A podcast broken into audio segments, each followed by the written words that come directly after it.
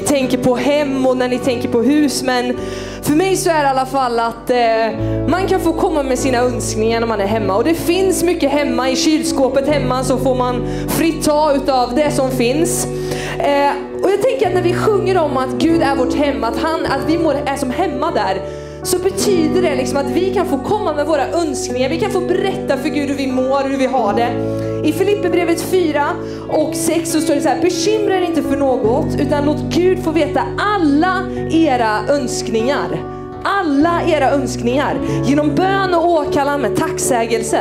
Då ska Guds frid, som övergår allt förstånd, bevara era hjärtan och era tankar i Kristus Jesus. Du vet innan vi ska göra någonting annat här ikväll så tänker jag att vi ska ta en stund då vi får säga till Gud vad vi längtar efter. Kanske är du här för första gången, kanske känner du inte Jesus, men du kan ändå få säga, tänka en tanke. Jesus om du finns så jag önskar mig det här för mitt liv. Jag önskar mig det här för mina vänner, för den situationen som jag är i. Så om du tror på bön, om du vill få vara med och önska någonting idag till Gud, så sträck din hand där du står, så kan vi bara få önska vad det är som vi längtar efter i våra liv. Herre, jag tackar dig för att du är vårt hem. Du är vår far och till dig så kan vi få komma med våra önskningar, det som vi bär på i våra hjärtan. Herre, du ser det som vi oroar oss över. Herre, jag tackar dig för att det står i ditt ord att vi inte behöver bekymra oss, utan att vi kan få komma med alla våra önskningar till dig. Alla våra önskningar och veta att du kommer att svara oss Herre. Du kommer att höra vår bön Herre. Och tack för att det också står att då kommer din frid över oss Herre. Att vi kan få lita på att du är med oss, att du går med oss. Herre, jag tackar dig för det du har planerat för den här kvällen. Och Herre, jag tackar dig för att vi får tro på en Gud som lyssnar, som hör bön och som är här mitt ibland oss för att verka den här kvällen. Och allt folk sa, Amen, amen. Underbart. Vi kan ge Jesus en applåd, eller hur? Yes, underbart. Vad roligt det är att få vara i Götene. Jag, eh, jag älskar Götene. Och jag säger inte det bara för att, jag, för att jag säger det, för att jag är här. Jag är ju från... Eh, du kan ställa dig lite i mitten här så. Är jag, är jag, tråk, är, är jag jobbig med dig? Nej, nej. Eh, Linkan är grym alltså. Eh, nej men eh, så här, alltså jag är ju från... Eh, jag är ju, jobbar som ungdomspastor i Skövde. I heter vi numera. Eh, tidigare känt som kanske Skövde Pingst. Eh, och eh, jag kommer ihåg första gången som jag kom till Götene. Då var jag 14 år. Och eh, vi skulle vara med och sjunga med vårt lovsångsteam i Kristet Center i Götene. Och eh, jag kommer ihåg att det liksom satt några coola grabbar där och det var ju då Jonathan och, och så var det ju Erik Jonåker och det var några coola sådär då. Men det jag minns mest från det där mötet var efter mötet. För då tog min morfar med mig till gatuköket. Oj, oj, oj. Och då kommer jag bara ihåg att det här var gött. Och sen efter det så har jag bara haft en god vibe liksom från Götene. Jag, jag gillar Götene helt enkelt. Så det känns väldigt roligt att eh, få vara här ikväll. Och hoppas att ni eh, är glada att ni är här. Är ni glada att ni är här? Ni är ju på en fantastisk plats ikväll. Ge varandra en high five där ni sitter. Eh,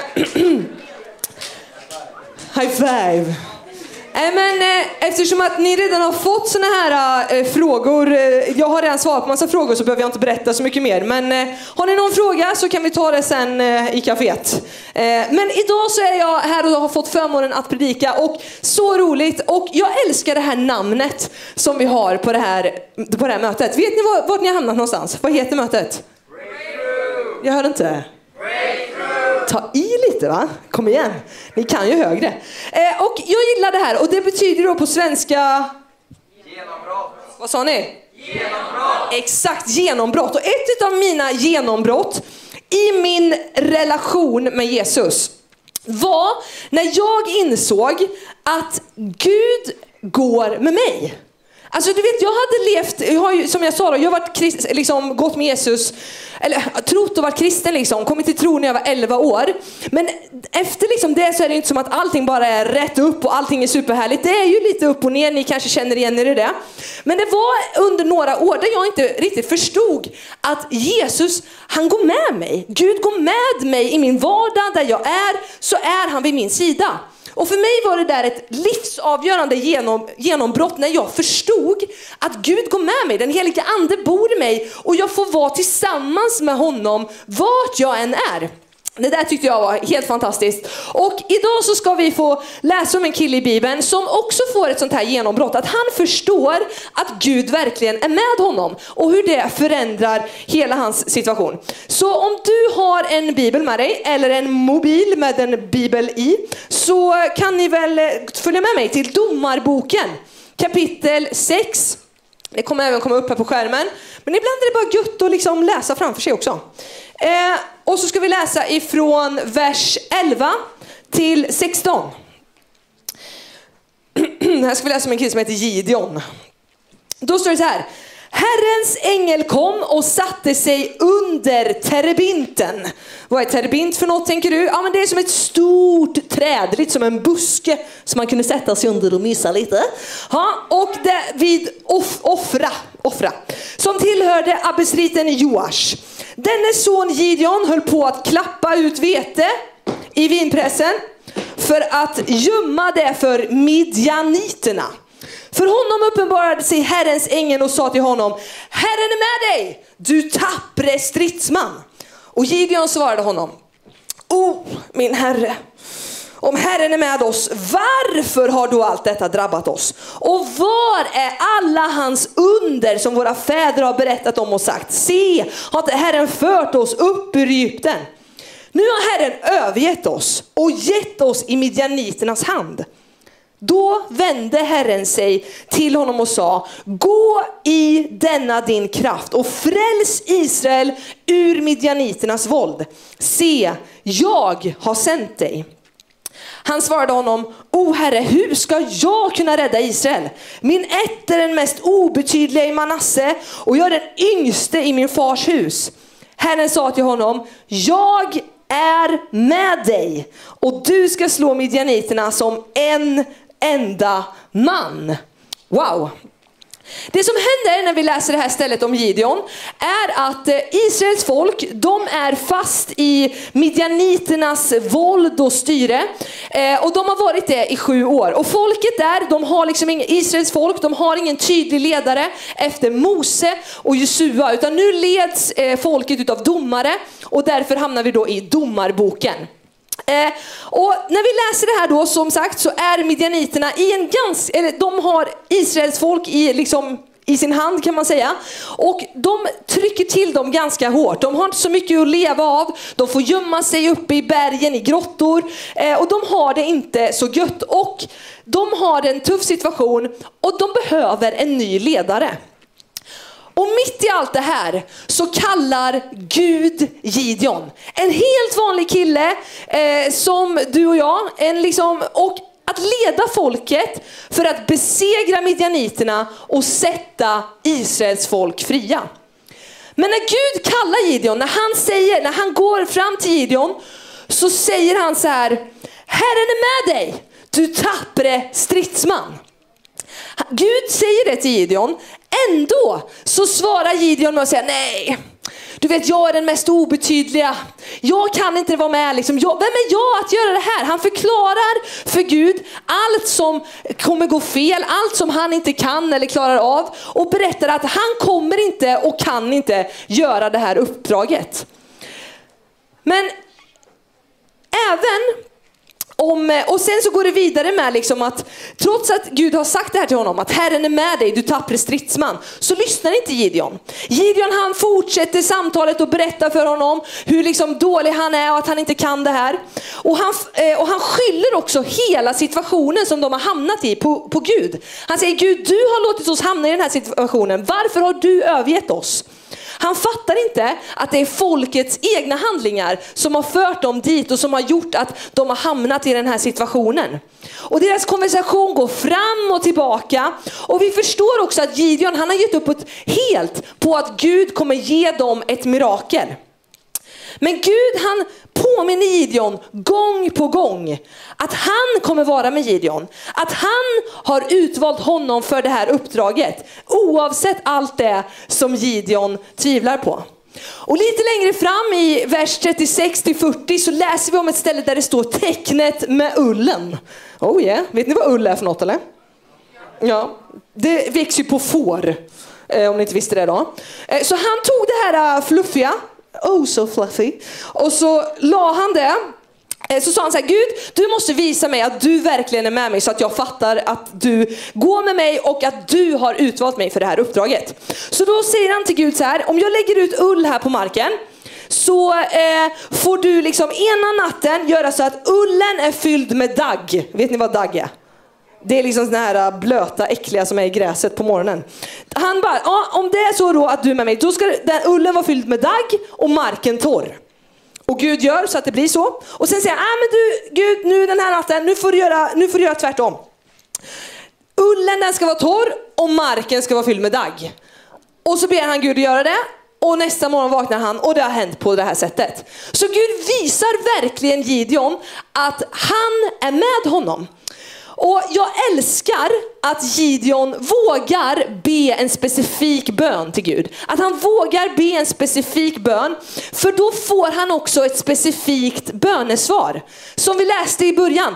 Eh, bekymra dig inte för något, utan låt Gud få veta alla era önskningar genom bön och åkallan med tacksägelse.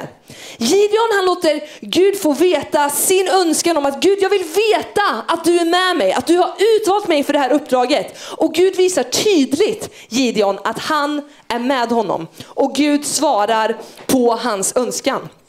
Och idag så vill jag tala till dig om det här som Gideon får uppleva och som jag också fick uppleva, det här genombrottet jag fick, att Herren är med dig. Herren är med dig.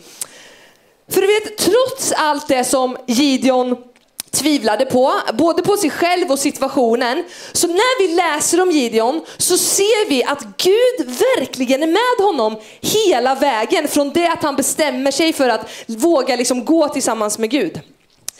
Det som är grejen då som vi sa är ju att Gideon ska ju föra Israels folk ut ur det här fångenskapet från midjaniterna. Man kan komma ihåg det om man tänker på midjan, eh, sin egna midja då, midjaniterna. Ja, och då i alla fall var det så här att han skulle besegra det här folket och de var 130 000 man. Hur många bor i Götene? 13 000. Tänk er 10 Götene, 10 Götene. De ska besegra 10 Götene. Och sen så är de själva då eh, typ två Götene kan vi säga. De är 32 000. Och då när de står där med sina två Götene mot 10 Götene så, så säger Gud så här. Gideon, ni är för många. Kanon, tänkte Gideon. Det här blir kanon. Då så säger Gud så här. Gideon, skicka hem alla som är rädda. Och då blir det kvar ett Götene ungefär då, då drar liksom väldigt många hem, nästan lite fler. Det, blir, det som är kvar i alla fall är 10 000 man. Så lite mindre ändå. Och sen så säger Gud så här att du skickar ner alla och drick här nere i vattnet. Och sen de som, som tar vattnet så här och skopar det upp så här. De, de ska du ha kvar och slåss med midjaniterna emot. Det som var grejen var bara att de var bara 300 stycken. Aj, aj, aj. Så de var 300 styckna som skulle besegra 130 000. Det känns lite jobbigt, eller? Har ni gjort er matte? Det är ganska stor skillnad. Eh, en, en skola. Exakt, nu är det en skola mot hela Götene. Aj, aj, aj. Eh, men anledningen till att Gud gör detta är för att han vill att Israels folk verkligen ska lita på att Gud är med dem. Att det inte är på grund av dem, utan att det är för att Gud är med dem. Och det fantastiska som händer, det är att Gideon får vara med och besegra midjaniterna och slå dem som det stod som en enda man. Och han får vara med och se att Gud var med honom hela vägen. Och jag tycker det här är en fantastisk story eh, i Bibeln. Och jag älskar Gideon och hans liv. Ja, på något sätt så tycker jag att man kan relatera till Gideon. Kanske inte i det här då att man har slått ner, liksom, eh, varit med och slått i en strid. 300 pers mot 130 000 man. Det har jag inte varit. Men kanske den här grejen att man som Gideon kan känna att jag har inte riktigt det här som krävs. Kanske att ni också kan känna igen er i det. Att man känner jag har inte allt som krävs. Eh, och... Eh, precis ändå då, som, som Gideon, att Gud vill använda Gideon, så vill Gud använda dig. Han vill använda dig och mig. I en tid som verkar hopplös, där Gud ibland kan kännas långt borta, så får vi påminna oss om att Gud han går med var och en som tror. Gud sitter på tronen och han har kontroll och han är med oss. Eh, och det som är fantastiskt det är att det här med väckelse, att folk får höra om människor, eller får höra om Jesus, att folk får höra om vem Jesus är, det börjar med oss som följer Jesus. Det börjar med att vi får en uppenbarelse om vem Gud är, att vi förstår att han går med oss och att han är med oss igenom allt det som vi står i. Det börjar hos dig. Och Bibeln är ett stort vittnesbörd om att Gud han kvalificerar dem han kallar. Han styrker dem han sänder och han utrustar sina utvalda. Och för er som känner mig sedan länge så vet ni att jag är bara en vanlig bondtös ifrån Odensåker. Jag vet inte ens om ni vet vart Odensåker ligger men där, där i alla fall är jag uppvuxen. Och det är inget speciellt med mig egentligen, men det som jag har valt att göra med mitt liv, det är att följa Jesus. Och sen när jag, sen jag valde att följa Jesus så har jag fått se liksom, hur Gud har fått använda mig för hans rike. Och det här är liksom evangeliet, det är att Jesus han vill göra ovanliga saker genom vanliga människor. Det här är mitt vittnesbörd och jag tror att det kan få bli ditt vittnesbörd här också eh, ikväll. För det står i Jeremia 1 och 5 Innan jag formade dig i moderlivet så utvalde jag dig. Och innan du kom fram med moderskötet så helgade jag dig. Gud han hade en plan för ditt liv långt innan du själv ens visste att du var påtänkt. När du låg i din mammas mage så hade han en tanke och en plan med ditt liv. Och Guds vilja för ditt liv är att du ska få upptäcka att vem han är och börja ditt liv och så ha en relation med honom. Herren är med dig, du tappre stridsman, du tappre stridskvinna. Herren är med dig och du är precis som Gideon och många andra människor som Bibeln talar om utvald. Utvald av Gud själv att få vara med just i den här tiden för att få göra skillnad på riktigt. Inte i egen kraft, men utan att i vissheten om att Herren är med dig. Herren är med dig. Eh, och jag tror att när jag fick tag på det här så fick jag mitt liv förvandlat. Och jag tror att detsamma kan få ske för dig. Så det första jag vill säga till dig utifrån den här storyn om Gideon och att Herren är med dig är det första att din frustration kan få vara ditt uppdrag. Din frustration, ditt uppdrag. Nu tänker du, vad snackar du om nu Ellen? Men så här, när vi läser om Gideon så förstår vi att han är irriterad på, på Gud. Han är irriterad på Gud för att han verkade långt borta. Det stod så här, om Herren verkligen är med oss, varför har då allt detta hänt? Han talar om liksom stora saker som har hänt förr och, eh, han, liksom, och det verkar som att, att Gud har övergett dem. Och Gideon är arg och han förstår inte varför Gud helt plötsligt vill använda honom i den här eh, hopplösa situationen. Det ser i alla fall ut som att det är hopplöst. Och jag vet inte hur det är med dig, men kanske är det så att du någon gång har varit frustrerad på någonting. Du kanske har varit frustrerad över att någon har äckliga tänder. Kanske är det så att du har varit frustrerad över att eh, eh kebabsåsen är äcklig. Du kanske har varit frustrerad över att någon i din klass har varit taskig. Du kanske är frustrerad över att, eh, ja, jag vet inte, det luktar skit på toan. Det kan vara olika saker du kan vara frustrerad över i ditt liv. Men jag vill säga så här till dig att din frustration kan få vara ditt uppdrag. Precis som så var det för Gideon. Gideons uppdrag, han var frustrerad över situationen som var för Israels folk. Och Gud använder hans frustration för att också vara med och vara en lösning på problemet. Han använder Gideons frustration och låter det bli hans uppdrag. Tänk om det är så att du är frustrerad över att folk har äckliga tänder och du kanske ska bli tandläkare. Tänk om det är så att du är frustrerad över att det luktar skit på toan och du kan få vara med och skapa en trevlig miljö som folk vill vara i, eller bajsa i i alla fall. Eh, det kan vara så att du är frustrerad över hur det är i din klass på skolan. Kanske är det du som ska vara med och sätta en ny trend. Att vara den som börjar bry sig, att vara den som bryter skitsnacket. Det kan vara så att din frustration är ditt uppdrag. Eh, och jag tror att, eh, att vi också behöver påminna oss om Även i de här sakerna som är jobbiga, det som kan vara vår frustration. Att Herren är med dig även där. För speciellt i det tuffa, i det jobbiga, i det som frustrerar. Och att vi får påminna oss om att Gud absolut i de situationerna vill leda oss med sin starka och sin trygga hand och ta oss fram och ge oss en seger även på det området som är tufft, som är jobbigt. För det är så lätt att vi inte pratar om det som är tufft och jobbigt. För att det är just jobbigt. Eller att det är liksom, jag kan inte sätta ord på det här. Men jag tror att när vi vågar prata om det som frustrerar oss, det som är jobbigt, vi vågar ge det till Gud, så vill han också vara med och hjälpa oss att hitta en lösning fram i det. Och att vi får göra det tillsammans med honom i kraften utav honom. Och det kanske inte kommer göra så att det, allt sker på en gång. Det kanske inte blir en förvandling med allt på en gång i den frustrationen som du står i. För Gideon så tog det ändå liksom några steg innan de kom till att de hade fått se att de fick bli fria ifrån midjaniterna. Men han litade på att det här var uppdraget. Han tog sin frustration, litade på Gud och valde att liksom se det som hans uppdrag. Steg för steg. Bit för bit så fick han vara med och se en skillnad genom att lita på Gud, att han gick med honom. Din frustration kan få bli och kanske till och med är ditt uppdrag. Följ med mig till Johannes evangeliet kapitel 15. Ja, ni på läktaren också kan följa med dit, ja. Det går bra. Johannes evangeliet kapitel 15 och vers 16. Där står det så här. Ni har inte utvalt mig, utan jag har utvalt er och bestämt er till att gå ut och bära frukt och er frukt ska bestå. Då ska Fadern ge er vad ni än ber honom om i mitt namn.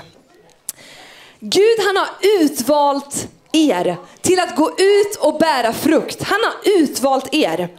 Och Gideon, han tyckte inte mycket var liksom rätt i hans liv. Han tyckte omständigheterna var kass. Han var besviken på Gud. Han såg ner på sig själv. Man kan säga att han var lite liksom frustrerad över situationen som var.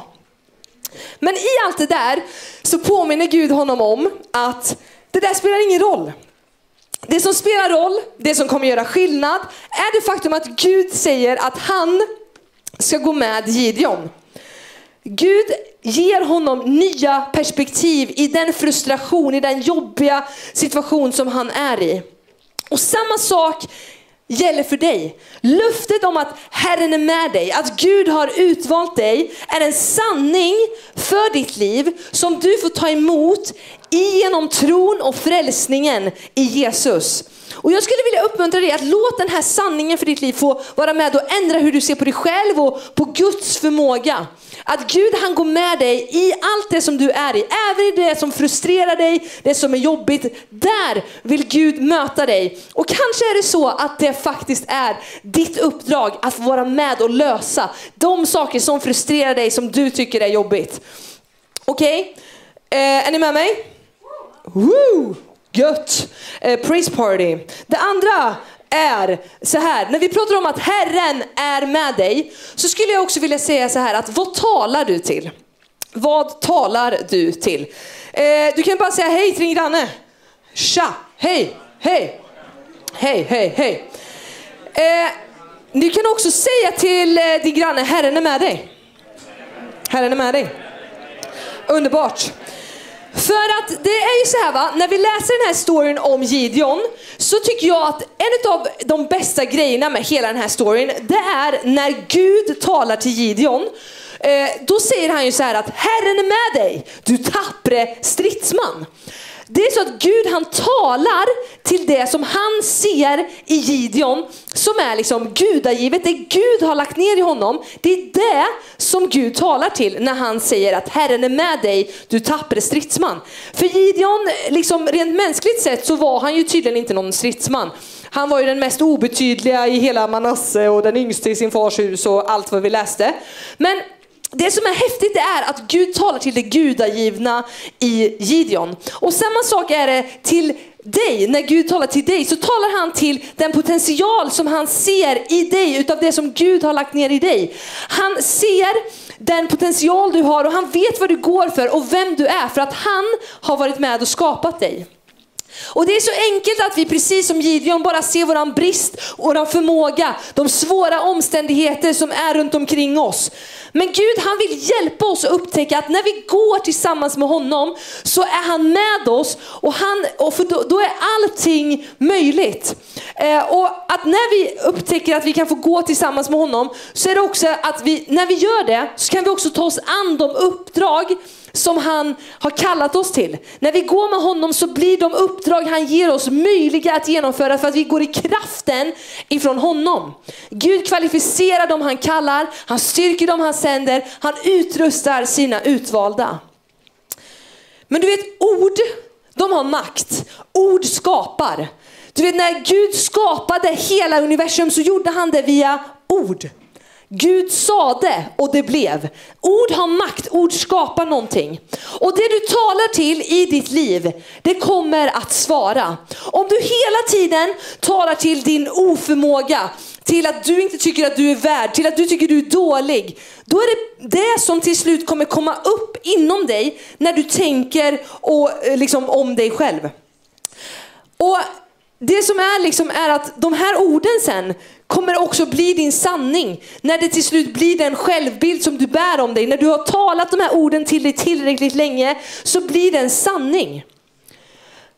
Men det som Gud vill säga till dig det är att du är hans avbild. Du är utvald att gå ut i den här världen med budskapet om Jesus, de goda nyheterna. Du är villkorslöst älskad. Han har en plan för ditt liv och du behövs i en tid som denna. Du är ovärderlig. Gud älskar dig så mycket. Men allt det där är lätt att glömma bort om vi aldrig talar det till oss eller om oss själva. Men jag skulle vilja uppmuntra dig att våga tala liv till dig själv. Våga läs Guds ord. Våga läs Bibeln och se vad står det här om mig? Vad finns det för sanningar om mig i den här boken som jag kan få tala ut över mig själv? När Gideon vågade tro på att Gud var seriös med att sända honom, så fick han också se att Gud var seriös med att gå med honom. Och Gud var med honom hela vägen. Att han genom Guds kraft var den här tappre stridsman som Gud faktiskt talade om. Eh, och jag skulle bara vilja uppmuntra dig att, att våga tala ut tro över ditt liv. Att våga läsa Bibeln, våga läsa Guds ord och våga tala ut den sanningen, den tron över ditt liv. För varje gång som vi gör det, när vi talar ut tro, så måste tvivlet som kan finnas i våra liv, det behöver försvinna. Det svälts bort. När vi talar ut tro och, i, och liksom så svälter vi också tvivel. Så tala ut tro över ditt liv. Låt Gud också få tala in i det gudagivna han har lagt i dig. Och när du läser och när det står en, en sanning om dig själv, när det står ett löfte om dig, så våga lyssna på det. Slå inte bort de orden utan våga tala ut dem över ditt liv. Våga upptäcka det här som finns i Guds ord tillsammans med Gud. Våga tro att tillsammans med Gud så är det möjligt att göra det omöjliga. För att Gud använder vanliga människor för att göra ovanliga saker. Du är utvald att göra skillnad med dina gåvor. Och begränsa inte Gud. Gud kan och han vill också använda dig. Eh, så tala ut över dig själv, det du står i. Tala tro. För varje gång som du gör det så svälts tvivlet. Häng med mig till eh, Efesebrevet kapitel 3 och vers 20. Du vet det stod så här i, där vi läste i början att Gud säger till Gideon att gå i denna din kraft. Påminn dig om vilken kraft du har fått i ditt liv och tala också ut det över dig själv. Att jag kan gå i Guds kraft. Jag går med den helige ande. Och att låta det få bli liksom en trygghet och någonting som du liksom är viss om. Någonting du vet, någonting som du kan tala ut över ditt liv. Det står i Efesierbrevet 3.20. Han som kan göra långt mycket mer än allt vi ber om eller tänker oss genom den kraft som verkar i oss. Det här är fantastiskt. Och Jeremia 1, 7-8 säger så här. Då sa Herren till mig, säg inte jag är för ung, utan gå vart än jag sänder dig och tala vad jag än befaller dig. Var inte rädd för dem, för jag är med dig för att rädda dig, säger Herren. Tänk om vi kunde tala ut de här orden över våra liv. Att vi kan få veta att han som kan göra långt mycket mer, den kraften, den bor i oss. Och också att du är inte för ung. Att Gud kommer vara med dig vart han än sänder dig och vad han än befaller dig att göra så kommer han att gå med dig. Och var inte rädd. Herren är med dig. Herren är med dig. Vad talar du till? Det där är så otroligt viktigt och jag tror att det är viktigare än någonsin i en tid i era liv där ni får mycket intryck, där det är mycket saker som kommer in utav ord, influens. Så på vis om vad du talar ut över ditt liv. Det sista som jag skulle vilja säga utifrån att, eh, att Herren är med dig, så är det detta att det finns kraft i dina beslut. Det finns kraft i dina beslut. Det finns få saker som påverkar våra liv så mycket som beslut. Jag vet inte hur många beslut man tar varje dag, men det är väldigt många beslut. När man går upp på morgonen så är det bara ett beslut att gå upp ur sängen. Sen är det ett beslut att eh, än en gång gå upp ur sängen och ett beslut att än en gång gå upp ur sängen. Snosar ni eller? Jag älskar att snosa. Alltså jag snosar så många gånger. Och jag har en väldigt jobbig ringsignal. Alla som sover med mig tycker inte om att sova med mig. Eller ringsignal, väckarklockssignal. Ni fattar vad jag menar. Men man ställs inför många beslut varje dag. Vad man ska äta, vilka man ska hänga med, vad ska man ha på sig, eh, vad ska jag göra, vad ska jag inte göra, bla bla bla. Det finns otroligt mycket saker som vi eh, behöver besluta. Och beslut, de tar oss i olika riktningar. När vi har tagit ett beslut så kommer det leda oss någonstans. Och även beslutet att, ja, det, det spelar väl ingen roll, jag tar inget beslut, är också ett beslut. Say what? Det är ett beslut. Men, och det finns liksom kraft i våra beslut för de kommer att ta oss någonstans. Och tänk dig så här om du är lite det här loj då, att man inte tänker sig när man kör bil till exempel.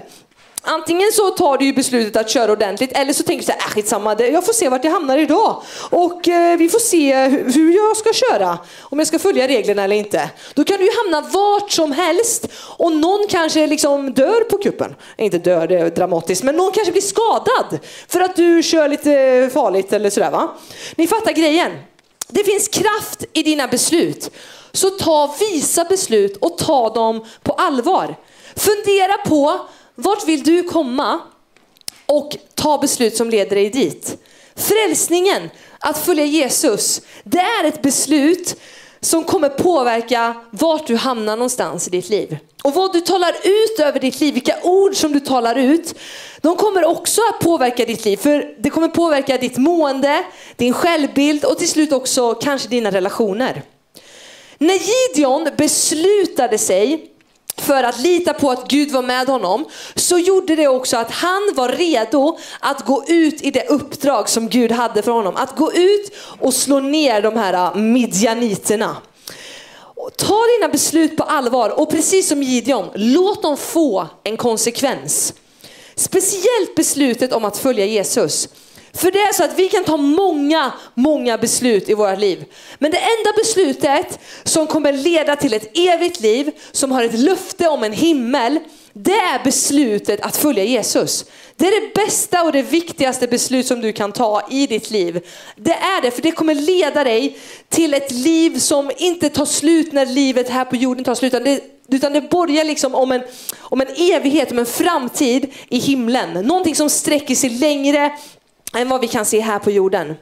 När du har tagit ett beslut, lita på att Herren är med dig för att beslutet också ska få en konsekvens. Gideon, han tvivlade, men han fick också lägga det där tvivlet åt sidan. Lit, välja att lita på Gud och lyssnade på vad Gud hade att säga. Hans beslut fick en konsekvens och det gjorde att han fick vara med och befria folket. Hans frustration blev hans uppdrag och Gud var med honom hela vägen så att det också fick bli hans vittnesbörd. Han fick se att Herren var med honom hela vägen när han valde att lita på Gud. Be Gud att han ska visa för dig vad det här innebär för ditt liv. Vad det här innebär för ditt liv. Vilka beslut behöver du ta för att komma vidare, för att komma liksom dit du, liksom där, du och Gud, där du vill att du och Gud ska vara.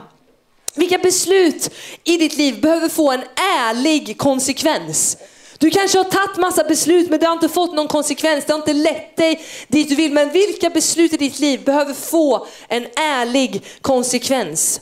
Gud han vill vara med dig och ge dig mod för att också kunna få ta de här besluten. Och att ta beslut som inte bara är beslutet utan också som leder dig närmare honom. Be Gud visa dig att han går med dig om det är det som du behöver veta. Be Gud om hans kraft och vägledning i beslut som du behöver ta. Lovsångsteamet, ni kan komma upp och göra er redo.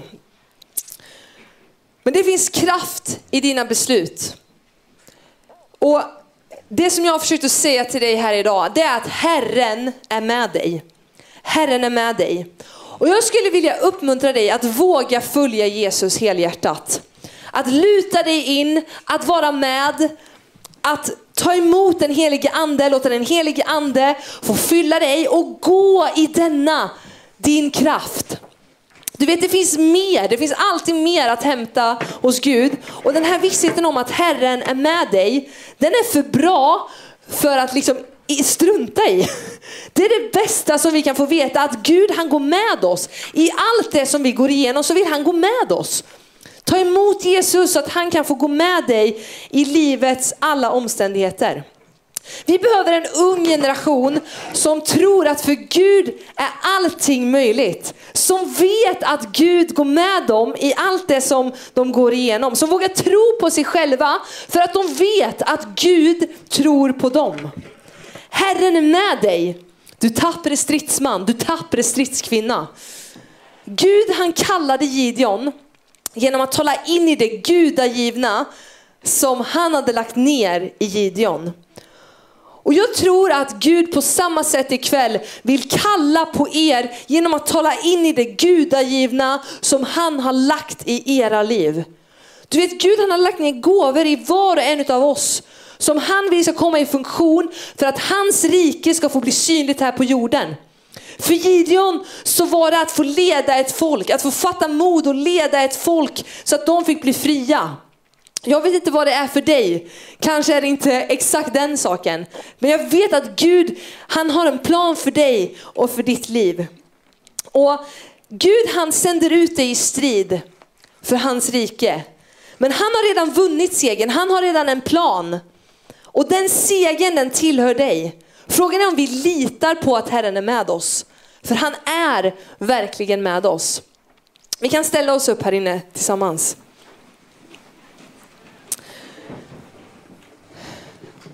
När jag har bett för den här kvällen så, så har jag upplevt att jag tror att Gud vill ge folk ett genombrott ikväll i just den här grejen att få veta att Herren är med dig. Kanske är det att du behöver veta att Jesus finns och ta emot Jesus för första gången i ditt liv. Kanske är det att bjuda in Jesus i den där frustrationen som du bär på som är jobbig. Som är liksom någonting som du inte vet vad du ska göra med. Att låta han få komma in och visa på en väg fram i den här frustrationen. För vissa är det kanske att börja tala ut Guds sanning över ens liv för att Herren faktiskt är med dig. Och det gör att du kan få en annan sanning för ditt liv.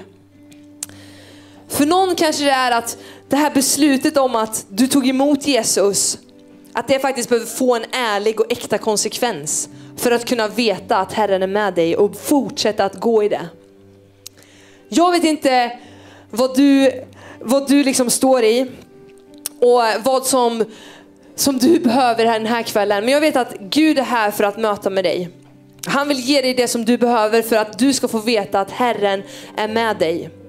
Och innan vi öppnar förbönen här så, så skulle jag bara vilja be för dig som behöver ett möte med Jesus den här kvällen.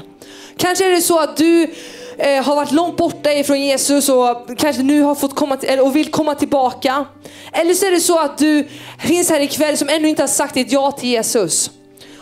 Och jag skulle bara vilja bjuda in dig till att du skulle få uppleva och få liksom ta tag om att Herren är med dig. Jesus själv, Gud själv är med dig. Han vill ha en relation med dig. Och du kan få respondera på det här ikväll. Så jag tänker att i respekt för varandra så kan vi bara blunda. Inte för att liksom det ska bli något konstigt utan bara för att det här är en stund mellan dig och Gud. Det här är en helig stund och vi respekterar varandra och bara stillar oss en stund. Men om det finns så att du finns här inne som längtar efter att få ta emot Jesus i ditt hjärta. Som behöver veta att Herren är med dig eller på nytt vill bara komma tillbaka till Jesus. Så kan du bara få sträcka din hand just nu.